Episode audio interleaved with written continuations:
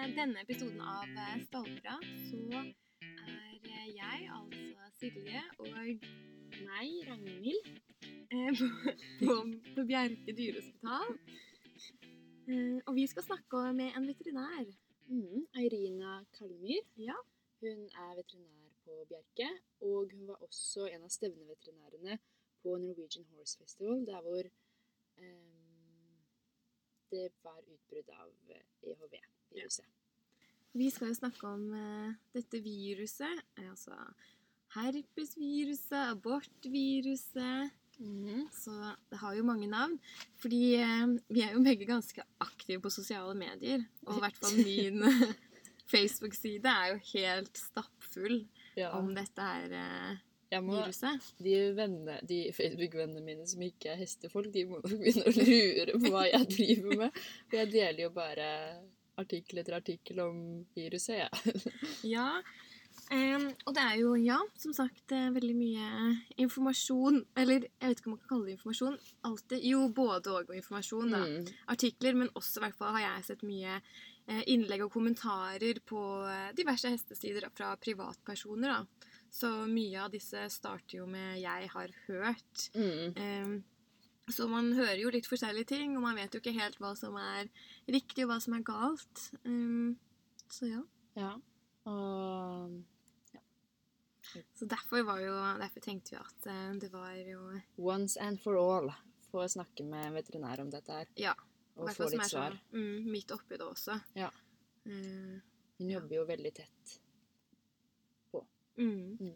Yes. Men da kommer vi tilbake. Ja, for hvis vi kan begynne å fortelle litt om eh, liksom, hva, er, hva er dette her for noe? Mm. Eh, så det vi har, er jo et eh, herpesvirus. Eh, og det er jo EHV1 vi har snakka mest om. Så de vanligste typene som vi ser på hest, er jo E EHV1 til 4, som har litt ulike presentasjoner. Men det vanligste er jo at det er et eh, virus som kan gi litt sånn respiratoriske symptomer som hoste og snørring eh, og sånne ting. Eh, og så kan de gi abort hos hoppet. Og så kan det òg gi eh, den her nevrologiske varianten da, på voksne hester, der det er rett og slett en at viruset kan gå på blodkaret i eh, sentralnervesystemet og skape problemer der, som gjør at de får den her eh, ataksien, som det heter. Altså at de blir ustø og sjanglete, og spesielt i bakparten. Typisk at de mister haletonus, så de blir helt slapp i halen, og, de begynner å slepe bakbeina. er Liksom typiske. Og den kan på en måte stoppe der, eller så har du noen som, som blir sykere, og som blir rett og slett liggende, som ikke kommer seg opp igjen. Og de er ofte at det går ganske raskt hvis de er hardt ramma. Mm, hvor raskt er raskt? Som regel så er det som beskrevet at hvis de først blir liggende, å si, så går det ca. tre dager fra man oppdager det til, til det skjer. Eh, Så, Ja. så hvis de kommer seg gjennom de første tre-fire dagene og fortsatt er bare litt slepete, så er det stor sjanse for at de kommer seg og blir friske igjen. Mm, Men med friske igjen, får de full funksjon igjen i bakbeina? Altså, Som regel så gjør de det. Man kan jo på en måte aldri garantere, men det er det som er det vanligste. At det kan ta lang tid, men at de som regel får tilbake normal funksjon igjen hvis de først kommer seg over det her første fasen. da. Men det, du sa at eh, det viruset attakkerer blodkarene i hjernen. Eh, Ja, eller i sentralnervesystemet, så langs med ryggmargen nå kan det være. Mm. Så de på en måte Altså, de ødelegger nerver i Ja, det går på så, det her blir jo litt sånn patofysiologi, men det det går på, er går på blodkarer eh, og lager skade der, og da får du ikke oksygenleveranse til, til det her eh, nervevevet, som vil gi en problem, og som, som da kan komme seg igjen, da. Ja. Mm, hvis det ikke er for alvorlig. Men er det sånn da de plutselig får feber? At du står på en måte i stallen med hesten din, og så Det- ikke spise, og så etter det så begynner det ganske fort med nevrologiske Ja, det er litt varierende. Så det vanligste forløpet er at de kan få en febertopp, og så kan det gå en fire til sju dager, og så vil de få eh, nevrologiske problemer. Men det man òg har sett, er beskrevet også at de kan få feber og de her nevrologiske symptomene samtidig. Så da går det jo selvfølgelig mye raskere og vanskeligere å oppdage i forkant. Mm. Så det er ikke alltid at man rekker å se noe feber først som en advarsel. Nei, så for å bare oppsummere symptomene, da, så er det jo feber Mm. og eller eh, ustøhet, da. Ja, og så hosting og snørring og sånt Ja. også er ganske vanlig. Det er nesten den mest vanlige formen, da. Mm. Um, som på en måte er litt oftere mer forbigående. Men det er jo den som er vanligste. uh, også i år så har vi jo sett både i Norge, som, som ikke bruker å ha som tilfelle av det her så veldig ofte, og i Sverige og resten av Europa òg, at det er flere tilfeller av den nevrologiske varianten enn det som er normalt rapportert. Ja, for denne her eh, Så det har fantes før dette her, eller lignende? Ja, det har det absolutt. Så det er jo beskrivelse fra langt bak i 80-tallet. Det si at det kommer, og det er ofte typisk at det kommer på vinteren. Eh, og som sagt da den her respiratoriske varianten som er vanligst, men også beskrevet eh, at man kan få utbrudd av den nevrologiske varianten. Så da tyder det på at det er noe med viruset. Men hvordan eh, smitter dette her? Så det som er vanligste, er jo det vi kaller eh, en form for dråpesmitte. Eh, så da er det så si, nesesekret og sånt som er vanligste. Så enten at det er direkte kontakt mellom hestene, eller hvis de har hoste og sånne ting, så vil det jo spre seg litt lenger, men ikke så langt som det vi kaller aerosolsmitte som regel. Det, sånn som influensa kan jo spre seg på kilometervis, og det er ikke beskrevet på de her. Men vi vet ikke helt sikkert nøyaktig hvor lang en smittefare er. Men eh, det beskrever beskrevet i hvert fall at hvis man tenker, lager en sikkerhetssone på ca. 50 meter i et åpent eh, område, så er det veldig trygt. Men det er jo selvfølgelig uten vegger og sånt som skiller. Så hvis de står i en paddock men, men det er jo en stor sikkerhetssone, på en måte. At vi vet at det er garantert ingenting da. 50 meter, ja. Er ganske skummelt. Ja, da. Men selvfølgelig har man et isolat skal jeg si, med vegger og sånn, så vil jo selvfølgelig det m- m- minske den sonen betraktelig. Eh, for det har jo vært litt snakk om testing. Eh, og eh, er det sånn at man bare kan teste hestene for det viruset når de er syke, eller kan man teste det når, de, når det er i hviletilstand i kroppen? Så det som er mest anbefalt, skal du si, er jo det her som kalles PCR. At man eh, påviser at viruset fysisk har vært til stede. Så det man gjør da, at man finner DNA-bevis rett og slett etter viruset. Eh, og det er på en måte det som er mest eh, interessant. Man kan òg teste for antistoffer i blodet, men vi, det her er jo ikke noe som er helt nytt. Det har vært i Norge før, så det kan jo finnes hester som har vært borti det før. Og, og vaksine vil jo påvirke det, at man får antistoffer mot det. Så påvisning av virus er jo det viktigste nå, spesielt med tanke på eh, at vi har et utbrudd på gang. Da. Og da er det jo som regel hester som er syke, vi tester. Så hvordan er det man kan teste dette viruset? Så det som veterinæren gjør, er å komme ut og ta en eh, enten nesesvaber eller en nesesvergsvaber. Eh, så opp gjennom nesa, stikke innover. Eh, og da så får man en sånn PCR-prøve. Så det betyr at man påviser DNA-et til, til viruset. Um, man kan også vise det på en blodprøve. Uh, så om de har en viremi, så det heter, da, så vil viruset sirkulere i blodet òg. Så ofte så tar man begge deler for å være sikker og sender gårde. Så sendes det kjørt til en ekstern lab som da påviser DNA-et.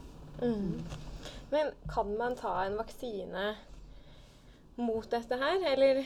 Så det finnes eh, vaksine, noen vaksiner på markedet som er for herpesvirus 1 og 4, da, som det heter.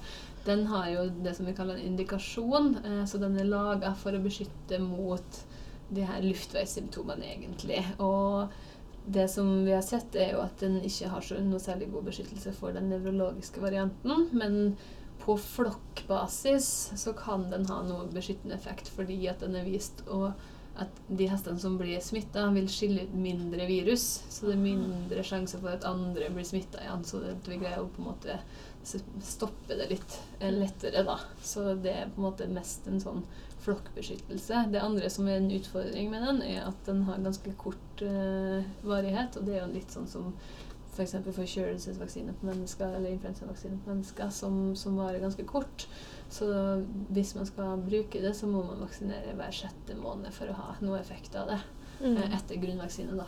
Er det det de gjør i Frankrike? Jeg har hørt rykter om det. Ja, eh, det er litt varierende hvor vanlig det er rundt omkring, men annet i Frankrike så er det påbudt på travhestene, blant annet. Eh, så det er det der. Og så er det en del som reiser en del internasjonalt òg, som, som har det.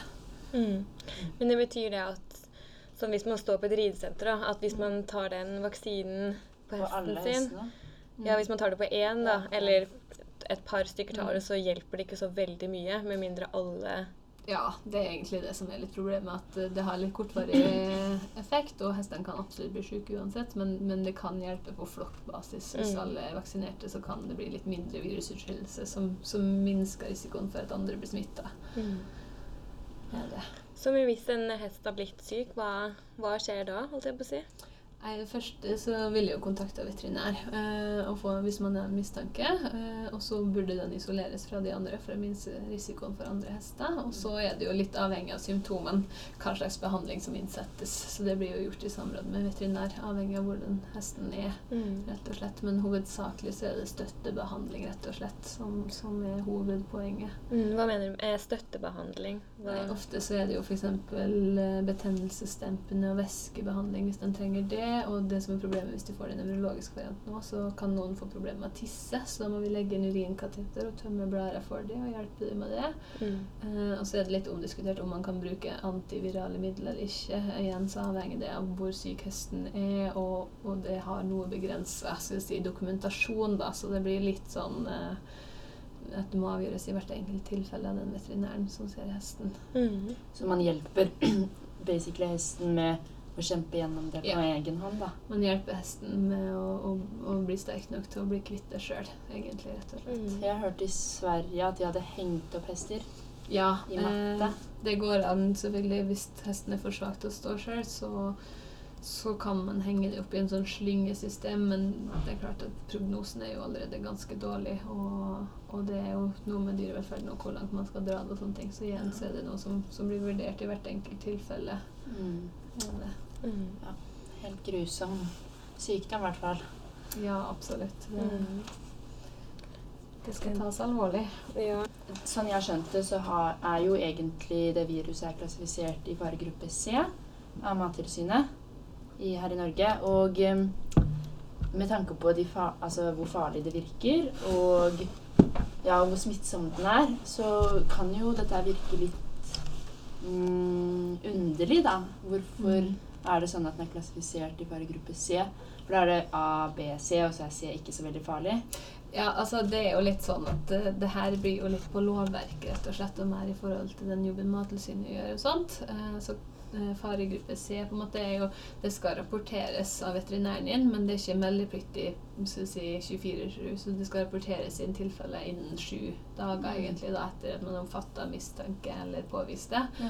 Eh, men det er ingen offentlige restriksjoner, så det kommer ikke inn og båndlegg eh, virksomheten f.eks. eller stallen hvis det blir påvist.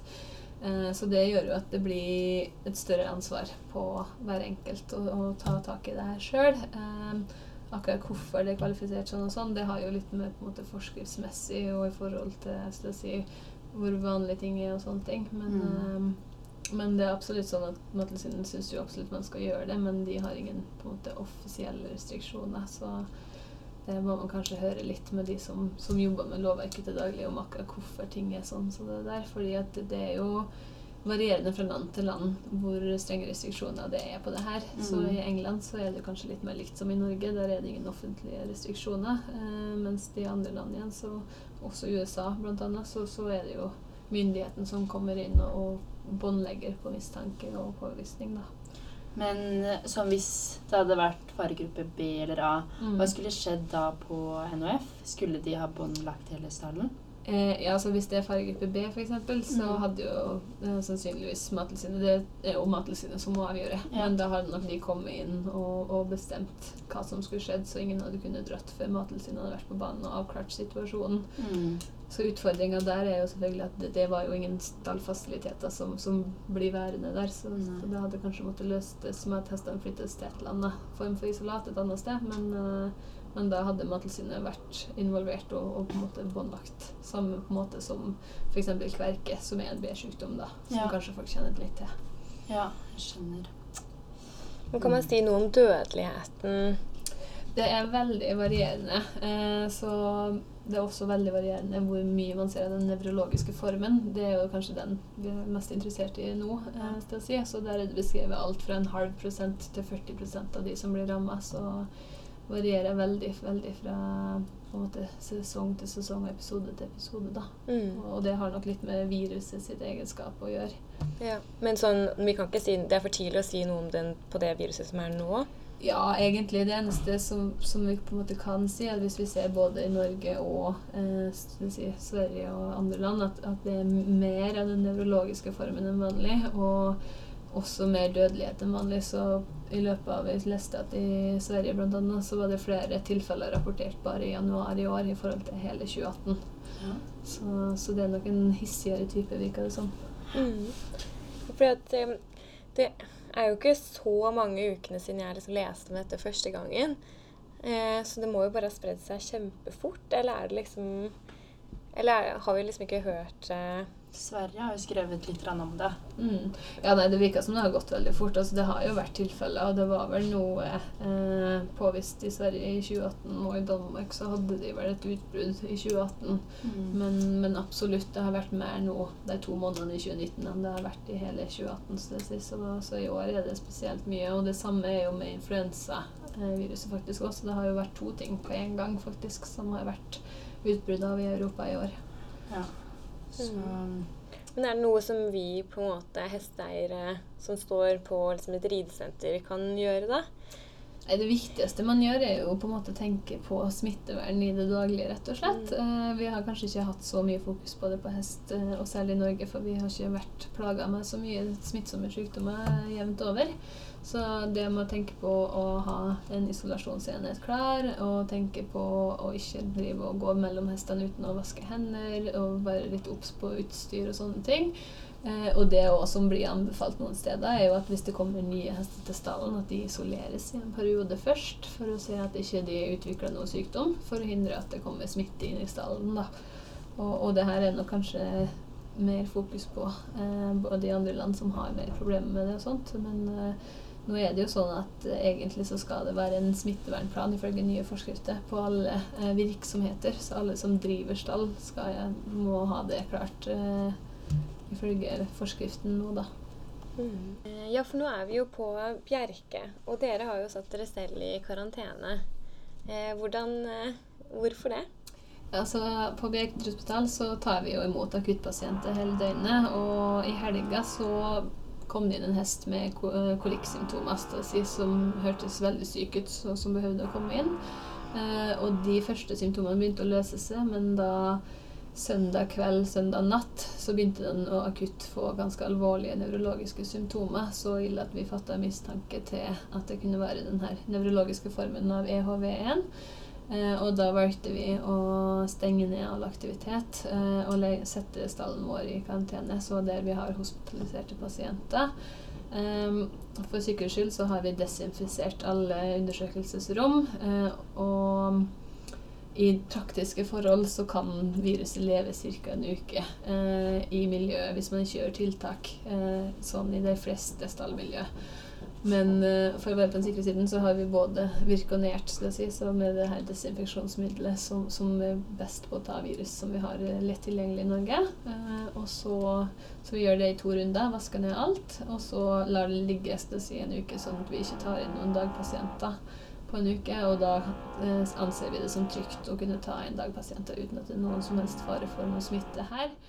Eh, På stallen så blir den stengt så lenge vi har hester som har vært i kontakt med den hesten som er mistenkt, i hvert fall frem til prøvesvar foreligger. Og om de skulle være positive, så, så vil det være en karantenebestemmelse som, som følger de gjeldende anbefalingene. da.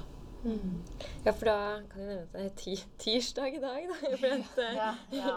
Tirsdag, ja, 5. mars. Da var, har det vært Var det i går eller på søndag, da? Ja, natt til mandag, egentlig. Ja. Så vi Mm. fant ut det her. Så da var det fra og med mandag morgen så fikk alle beskjed om at alle timer blir utsatte. Mm. Mm. Så det gikk jo veldig fort. Ja, absolutt. Det, det gikk jo veldig fort med, med symptomene hos det sist, og så fort det ble fattet mistanke, så, så gikk vi ut med det med en gang. Mm. Det er jo veldig skummelt. Ja. Men eh, ja, man blir jo veldig redd i sånne her tider. Så man må jo bare prøve å være forsiktig eh, med å ikke gå fram og tilbake i staller Mm. og sånt. Men eh, hvor lenge pleier et sånt her utbrudd å vare?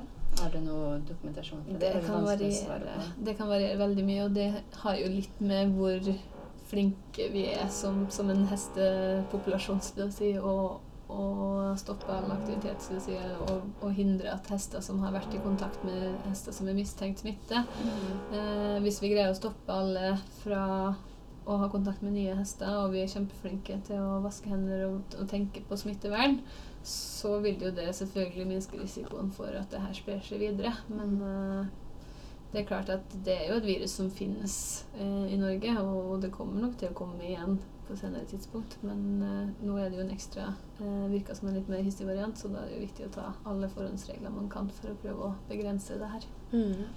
Så hvis man liksom skal Hvis det går an å rangere dette her fra én til ikke alvorlig i det hele tatt, og ti til uh, svartedauden på hester Jeg vet ikke. Går det liksom an å på en måte Eller det er jo fortsatt litt tidlig, men Ja, eh, det er litt vanskelig å si akkurat eh, sånn rent på en skala, fordi at eh, som sagt, det her er jo et virus vi har, og, og det kommer nok til å komme, men, men i år så er det jo litt Litt ekstra ille fordi at vi har sett flere av den her nevrologiske varianten, og det er jo den som, som er dødelig. Og så selvfølgelig, nå har vi jo ehm, begynner vi å komme inn i følgesesongen og sånn, så vi har jo ganske mange drektige hopper som er i det siste trimesteret, og det er jo da Mm. de er utsatt for abort. Og det er jo kanskje det man nå frykter, at det skal spre seg til oppdrettsmiljøet.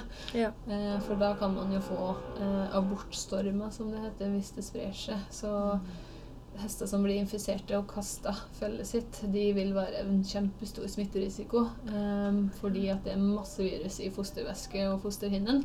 Så spesielt de som har, eh, har drektige hopper, må jo være ekstra obs både nå og begrense all kontakt både med folk og dyr omtrent. Og hvis det skulle være noen som aborterer, altså man er kjempenøye på, på hygiene eh, og blir kvitt det her risikofaktorene så fort som mulig med tanke på de andre hoppene, hvis de har flere hopper som har følg.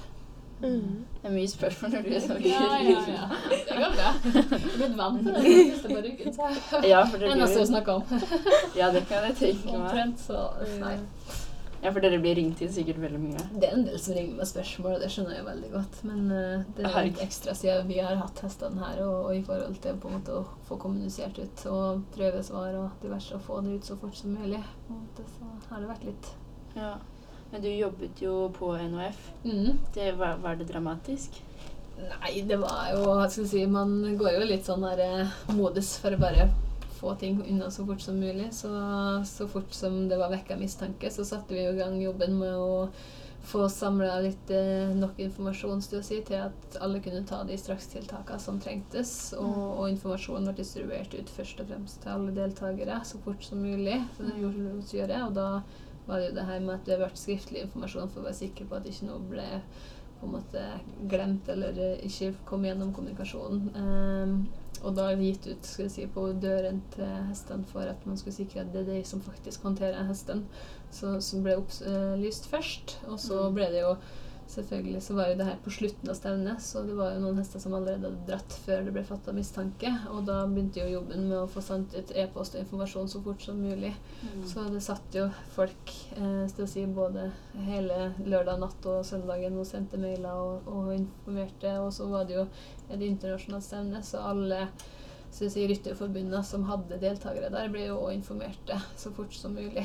Så Men ehm, kan du si noen ting om når den ble syk, og når den ble fjer, fjer, altså tatt bort fra altså hesten Nei. var skal du si, slapp og nedstemt eh, fredag ettermiddag. Nå må jeg tenke at jeg får det riktig her. Ja. Mm. Og så Det gikk litt i ett. Ja, det skjønner jeg. Eh, så fredag ettermiddag så, så informerte de om at det var en hest som ikke var i form. Eh, det var en rask undersøkelse der. Vi syntes at den måtte videre for videre undersøkelse. Og så gikk det egentlig fortløpende i ett. Eh, så fort det ble mistanke, så ble alle instanser varsla, som arrangør og veterinæren. Så si, det var jo FI-veterinær som har ansvaret for vettsjekk og alt sånt. Mm. Ble varsla. Og og Mattilsynet ble varsla, og da har det umiddelbart igangsatt arbeidet med å få informasjonen ut så fort og riktig som mulig. da. Ja. Så, Så mm. det var en uh, fortløpende prosess fra Så fra fredag ettermiddag kveld til Mm. Så den hesten ble jo si, gradvis verre og verre, og som gjorde at mistanken ble styrka. Så da, Mm. så fort som vi følte at nå syns det at det er, er såpass mange tegn på at det kan være det. Mm. Eh, for da hadde vi selvfølgelig ikke noe prøvesvar, siden det var en helg i tillegg. Så, så tok det jo tid før man fikk prøvesvar, og da syntes vi det var viktig å få informasjon ut selv om det var en mistanke. Ja. Det virker jo som det går veldig Ja, det går jo så fort, Ja. virker det som. Ja, absolutt. Fra de først viser symptomer, så, så mm. kan det går gradvis ganske fort Ja. eh, til de blir dårlige. Spesielt hvis de blir veldig syke med den nevrologiske varianten, så er det som regel innen tre dager. Eh, hvis de blir liggende, så skjer det fort. Mm, for man tenker jo liksom at sånn hvis hestene hoster litt eller Mm. snørrer litt, og det er jo Mm. nå Så er jo på en måte Vi er jo i mars, det er jo ikke sånn så ikke rart. så uvanlig. Men liksom hvis det da dagen etter plutselig bare Oi, det var veldig mye verre. Og så er det Ja. Ja, det kan gå ganske fort, dessverre. Men det Mm. virker som det skjer på timer, liksom. Mm. Ja, I det verste tilfellet så er det jo akkurat det det gjør. Ja, man blir jo helt uh, nevrotisk, i hvert fall jeg. Jeg sånn, så en hest som hostet på starten i går. Jeg bare Du må fjerne den hesten der! Og hun var sånn Den har astma. Og jeg bare Det tror ikke jeg noe på!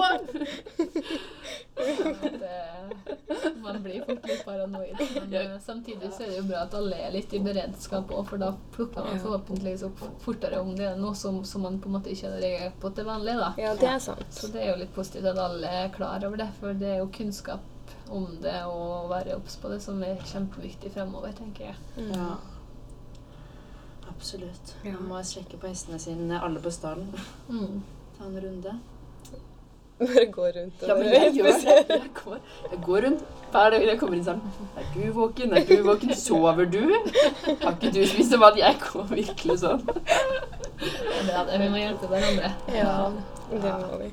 Mm. Absolutt. Nei, men da tror jeg egentlig Har vi ikke fått svar Jo, på da- alt? da- Så bra. Så tusen hjertelig takk for at du ville prate med oss. Jo, bare hyggelig. Mm. Så håper vi at det her går, går over fort. Ja, Ja, det får vi håpe. Vi får alle legge inn en god innsats på å prøve å begrense det her, så Mm. det skal gå bra med hestene våre. Ja, gå sammen som en enhet og bare, bare sitte helt stille i båten. Helt musestille, ikke beveg på hestene. Og bare, så får vi håpe at det ikke blir noe mer syke hester. Mm. 有。